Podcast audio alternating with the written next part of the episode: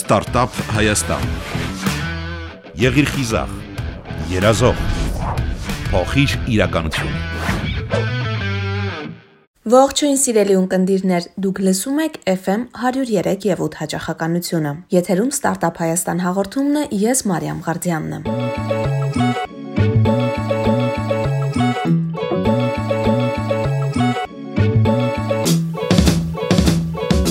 Անի Իշխանյանը հաճախ է կատակով ասում, որ իր բիզնեսը ճանապարհորդող է։ Երևանի Պետական համալսարանի լրագրության ֆակուլտետն ավարտելուց հետո Անին կարճ ժամանակ է աշխատել որպես լրագրող։ Հետո հասկացել է, որ ճիշտ չէր դպրոցն ավարտելն ու միանգամից համալսարան ընդունվել է։ Միտք է ցակում պարտադիր ճանապարհորդելու եւ բացահայտելու շրջապատող աշխարհը ճանապարհորդելու ամենալավ երիտասարդական ծրագրերից մեկը EVS-ով ես մեկնեցի Բուլղարիա, ու Բուլղարիայում մենք աշխատում էինք փոքր համայնքների ինտեգրման աշխատանքներով, հիմնականում գնչուների հետ էինք աշխատում, բայց այնպես էր ստացվել, որ ամառային այդ արցակուրտներին, երբ որ դպրոցներում կամ հայսքուլերում, մանկապարտեզներում դասեր չէին լինում, ես այնց շատ ժամանակ էի ունենում ազատ, ու ելի որոշեցի, որ պետքա Բալկաններում ճանապարհորդեմ, ու Բուլղարիայի տրանսպորտը շատ վատ աշխատում։ Մեր մոտ կարած գոնե ինչ-որ լուծում գտնես, եթե գնաս օրինակ ավտոկայան, ավտոբուս չլինի, գոնե ինչ որ վարորդ քեզ կօգնի, ինչ որ մի ձևով քեզ տեղ կհասցնեն, բայց այնտեղ չէ չկա ու վերջ։ Այդ ամենավատը որ չէ չկա, իրենց վեբսայթերում նայում ես ժամը գրված է տրանսպորտի որ ժամին ալինելու եւ այլն եւ այլն հասնում ես տեղ, ասում են մի ժամ առաջ գնացել եմ, երբ որ ես Սերբիայից գալիս էի Սոֆիա, Սոֆիայից էլ որ գնայի հետ իմ քաղաքը, Վարնային շատ մոտիկ գյուղաքաղաք էր։ Այդ ժամանակ շատ ձանձրացած հերախոսի զայրատկե նստելա, ես արդեն հոգնած որ պետք է համարյա թե մի գիշեր մնամ այնտեղ, որ առավոտ նոր հաջորդ ավտոբուսը վերցնեմ, ու այդպես լսում եմ, որ իմ կողքը մի հատ աղջիկ անստած, ինքը հերոխոսով խոսում է ու ասում է. «Դու չես հասկանում, Աննա, ես քո կոշիկները չեմ հագել»։ Ու սենց ջղայնացած խոսում ու այնքան ծիծաղել էր այդ պահը, որ ինքը իր քրոջ հետ էր կռիվանում։ Չկարողացա ինձ զսպել ծիծաղից, ինքը արդեն հասկացա, որ ես իրան հասկանում եմ։ Հայերեն էր այդ կռիվը այնտեղ։ Մենք էլ ենք երեք քույրիկ, մեր մոտ էր այդ շատ հաճախ լինում։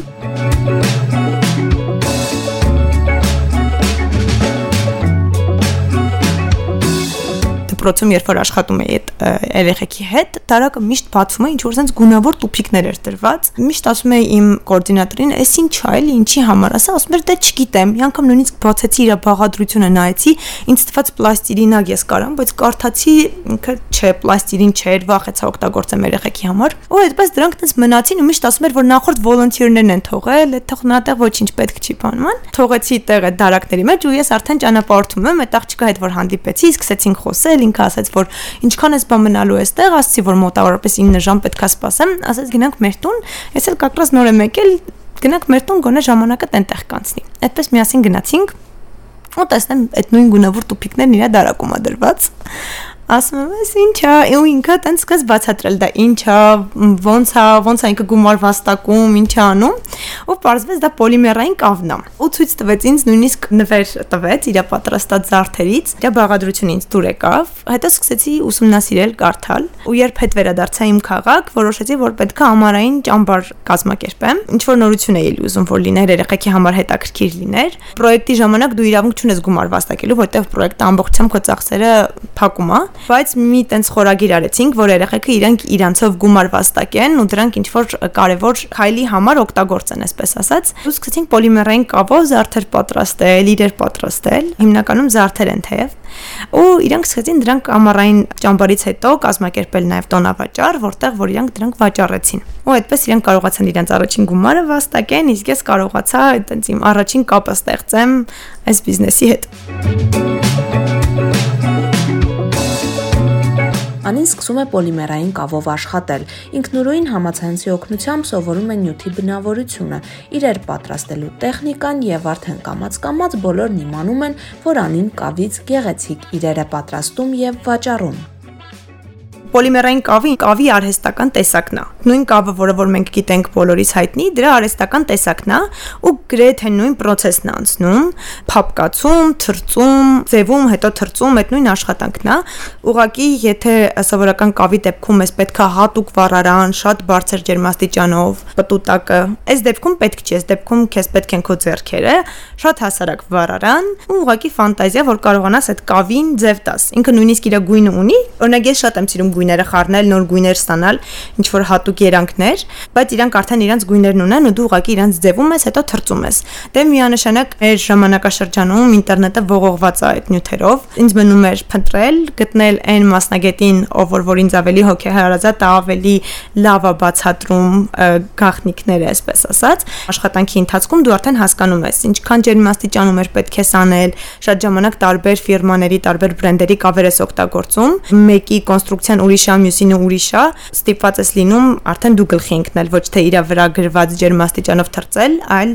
դու հասկանալ, որ ջերմաստիճանով թրծել։ Ճիշտ է, այդ ընթացքում շատերն են վառվում, ինչև սովորում ես ճիշտ ջերմաստիճանը գտնել, բայց մի հատ հետաքրքիր բան, շատ ժամանակ վառված կավերը իրանք շատ հետաքրքիր երանգ են ունենում։ Ու հետո եղելա դեպքեր, երբ որ հաճախորդը տեսել է դա, ասել է կլինի սա վերցնեմ, ասել ենք չէ, որ դա վառված է, ասել է դա ինձ նույնից սարքեք։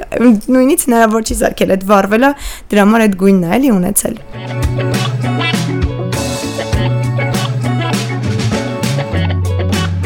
Ես Երևանում եմ մեծացել, թեև մամաս Արցախից է ու մենք շատ ժամանակ Արցախ ենք գնում, ամառային արձակուրդները երկար այնտեղ ենք անցկացնում, բայց հիմնականում մեծ քաղաքի կյանքով եմ ես ապրել, Երևանը եթե կարելի է մեծ քաղաք անվանել, ու երբ որ ես Բուլղարիայում էի, իմ քաղաքը շատ փոքր էր, 4000 հոգի էր ապրում քաղաքում, գյուղաքաղաք էր։ Դրանից հետո ես երբ որ վերադարձա Երևան, իմ համար մի տեսակ տարօրինակ էր, ասենց մեծ քաղաքում մնալը, ու ես որոշեցի, որ պետքա տեղափոխվել ավելի փոքր քաղաք, փորձել վերագտնել ու եթե ես այնտեղ կարողացել եմ ինչ-որ լավ բան անեմ գնչուական համայնքի համար, բուլղարացիների համար, այդ նույնը կարամ անեմ նաև մեր քաղաքում։ Տեղափոխվեցի Ստեփանակերտ։ Միևնույն ժամանակ նաև աշխատեցի Թումոյում որպես ուսուցանող մարզիչ։ Ստեփանակերտում սկսեցի աշխատանքին զուգահեռ նաև զբաղվել պոլիմերային կավով։ Երբ որ վերադարձել էի, բայց նոր-նոր Երևան ու դեռ չէի որոշել, որ դա պետքա որպես բիզնես աշխատի ինձ համար, շատ բաներ սարքում էի, պատրաստում էի ու նվիրում։ Հետո մարդիկ շատ սկսեցին սիրել ու արդեն ինչ որ մեկի մոտ որ տեսնում էին, հարցնում էին, բա որտեղից կարանք ձեռք բերենք, բայց ով է պատրաստել, բայց ինչից է։ Հիմա արդեն շատերն են Հայաստանում պատրաստում, շատ եմ նկատում, որ պոլիմերային կավով շատ են աշխատում, բայց այն ժամանակ ես անձամբ չէի հանդիպել ու սկսեցի որոշեցի, որ ինչի՞ չէ, նաև կարելի է եկամուտ ստանալ։ Ստեփանակերտում ապրելուց ու աշխատելուց հետո Անին որոշում է միանալ նշանածին եւ տեղափոխվել Օման։ Իր պոլիմերային կավերն էլ հետը տանել։ Օմանը ինքը դրսից եկած մարդկանց տեղ է, բոլորը այնտեղ հավաքված են տարբեր երկրներից։ Իրանք մուսուլմանական երկիր են, դա բնականաբար Սուրբ Ծնունդ չեն նշում, բայց քանի որ դրսից եկածները շատ-շատ են, իրենց համար միշտ այդ դրամատրությունը ստեղծվում է։ Ամառ, շոտ ամառ 50-ասյան տակություններ են տեղ, իրանք կազմակերպել էին Christmas market։ Որոշել էինք, որ պետքա շատ հատուկ ձևով ներկայանանք այդ մարքետին։ Լողափին, շորտիկով հանգստացող ձմեր պապիկ էինք պատրաստել բաժակների վրա, կամ չգիտեմ, ինչ որ ձմեր պապիկ, ով որ հալվում է արդեն կողքից, ու դրանք մեր ստեղծած իլյուստրացիաների հիման վրա էինք պատրաստել։ Երևի թե այդքանով կարամ ասեմ, որ տարբերվում է, որ ինչ որ հատուկ փորձում ենք գտնել ում ինչ կհետաքրքրի կամ ում ինչ պետք կգա։ Մենք խորհուրդ չենք տալիս ափսեի վրա պոլիմերային կապով աշխատանք անել, որտեվ վերջի վերջո ինքը պոլիմեր է ու ինչքան էլ բոլոր տեղերում նշվում է, որ թրթվելուց հետո անվտանգ է, ես որպես այնպես բնությունը շատ սիրող անձնավորություն միշտ խորհուրդ եմ տալիս ափսեի վրա պոլիմերային կավ չանել, բայց մենք անում ենք պատարակախների, գթալների, դանակների վերևը դեկորներ։ Մենք պատրաստում ենք զարդեր պոլիմերային կավից, պատրաստում ենք խաղալիքներ, ասենց ասեմ, որոնք որ կարան հետագայում ինչ որ դեկորի մաս դառնան։ Ամանորի այդ օղակները մեծ որ կան, մենք պոլիմերային կավի դետալներով դրանք զարդարում ենք։ Մեծ հաշվով ամեն ինչ ու վերջերս մենք սկսեցինք նաև տորթերի վրայի թոփինգներ պատրաստել, մեծ խաղալիքներ, որը որ չի կպնում տորթին իհարկե, ու հետագայում կարա ինքը լինի օրինակ զարդատուփի մաս, գլխիկ, տուփի վրա ինչ որ ամրացվի ու ինքը դառնա ծնունդից օրինակ հուշ, որը որ միշտ հետդ կմնա։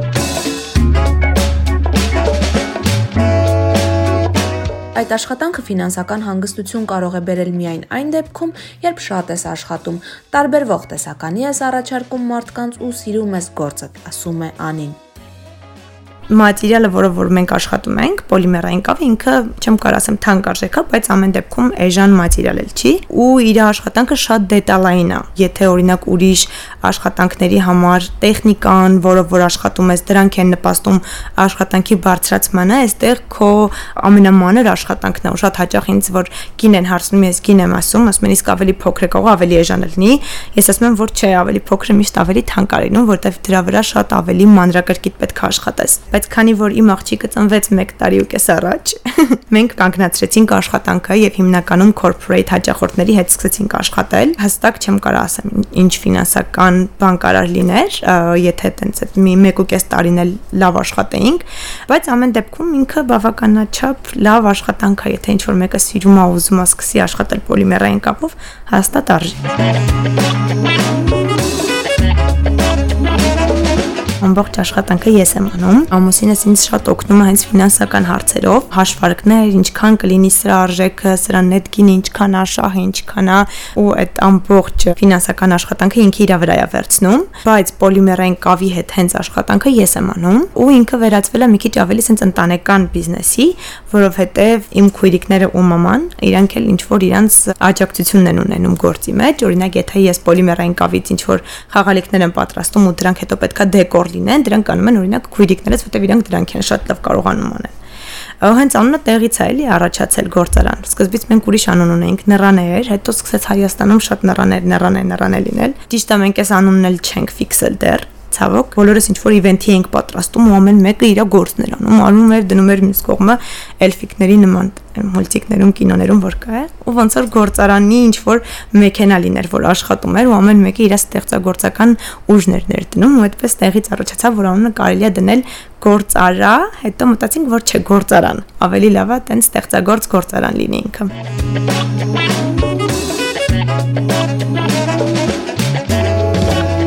Անին բիզնեսը տեղափոխել է Հայաստան։ Այստեղ լավ է, իհարկե, բայց Օմանում ավելի շատ գումար էր վաստակում, որովհետև այնտեղ չկար այն, ինչ պատրաստում էր Անին։ Պահանջարկը շատ էր։ Այստեղ բազմաթիվ մասնագետներ են աշխատում կավի այդ տեսակով։ Մրցակցությունը մեծ է, բայց մեկ է։ Հայրենիքում ստեղծագործելը հաճելի է, ասում է Անին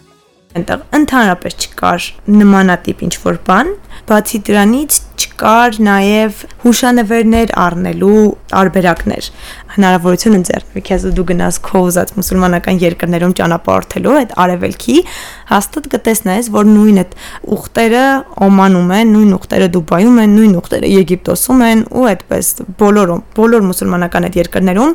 այդ Չինաստանում տպված այդ նույն գործերն են ու երբ որ մենք ներկայացրեցինք Օմանում մեր աշխատանքները իրանց հատուկ ինչ որ ձևով իրանց իրանք հատուկ նավեր ունեն փայտից որ մենակ հենց Օմանին է բնորոշ այդ նավերն էինք պատրաստում բաժակների վրա իրանք զարդանախշեր ունեն, այդ զարդանախշերը գթալների վրա ենք պատրաստում, ու մարդիկ շոտ սկսեցին հետաքրքրվել, շոտ-շոտ բոլոր տեղերից այս գրում էին, որ կան մոտենան վերցնեն, ու եթե տոնավաճառների ենք մասնակցում, տոնավաճառների ժամանակ ուղակի ես սպառվում էի, եթե օրինակ 3-4 օր էր տևում տոնավաճառը, իմ ամուսինն էր կանգնում մեր սրահի մոտ վաճառում, իսկ ես տունը ստիպված էի լինում աշխատեի, որովհետև օրվա վերջում մենք product չենք ունենում ընդհանրապես։ Մի անգամ մի հատ մարդ եկավ, գնեց ինչ որ մի բան գնաց, հետո եկավ մի քանի բան ավել գնեց, հետո սենց անընդհատ գալիս էր ինքը որ մի բան վերցնում էր, մի բան վերցնում էր, ամուսին ասաց՝ «Ալի մի րոպե, դու կարող ես ուրիշ տեղ խանութ ունես, մեր ապրանքը գալիս ես առնես, տանես»։ Ու այդ մարդն այդ ժամանակ անկեղծացավ, որ իրականում ինքը Լոնդոնից էր, որ շատ նվերներ է ուզում տանի այստեղից, բայց չկա այլ ընտրանք ու քանի գտել է ինչ որ հավես բան, չի ուզում որ վերջանա, ասաց նույնիսկ որ առաջինը առա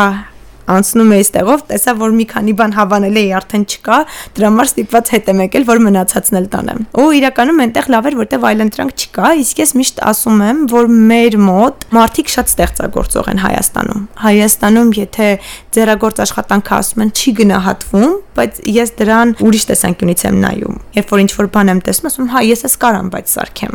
Ու ես դրանից սարքում եմ հետո զուտ իմ համար ոչ թե հետո վաճառելու, ու մարդիկ էստեղ իմ կարծիքով բոլորն են նույն ձև են մտածում։ Այստեղ կարողանում են կարել, կարողանում են այդ ստեղծագործական միտքը բոլորի մոտ կա ու բոլորը իրանք փորձում են իրենց համար օգտակար լինել։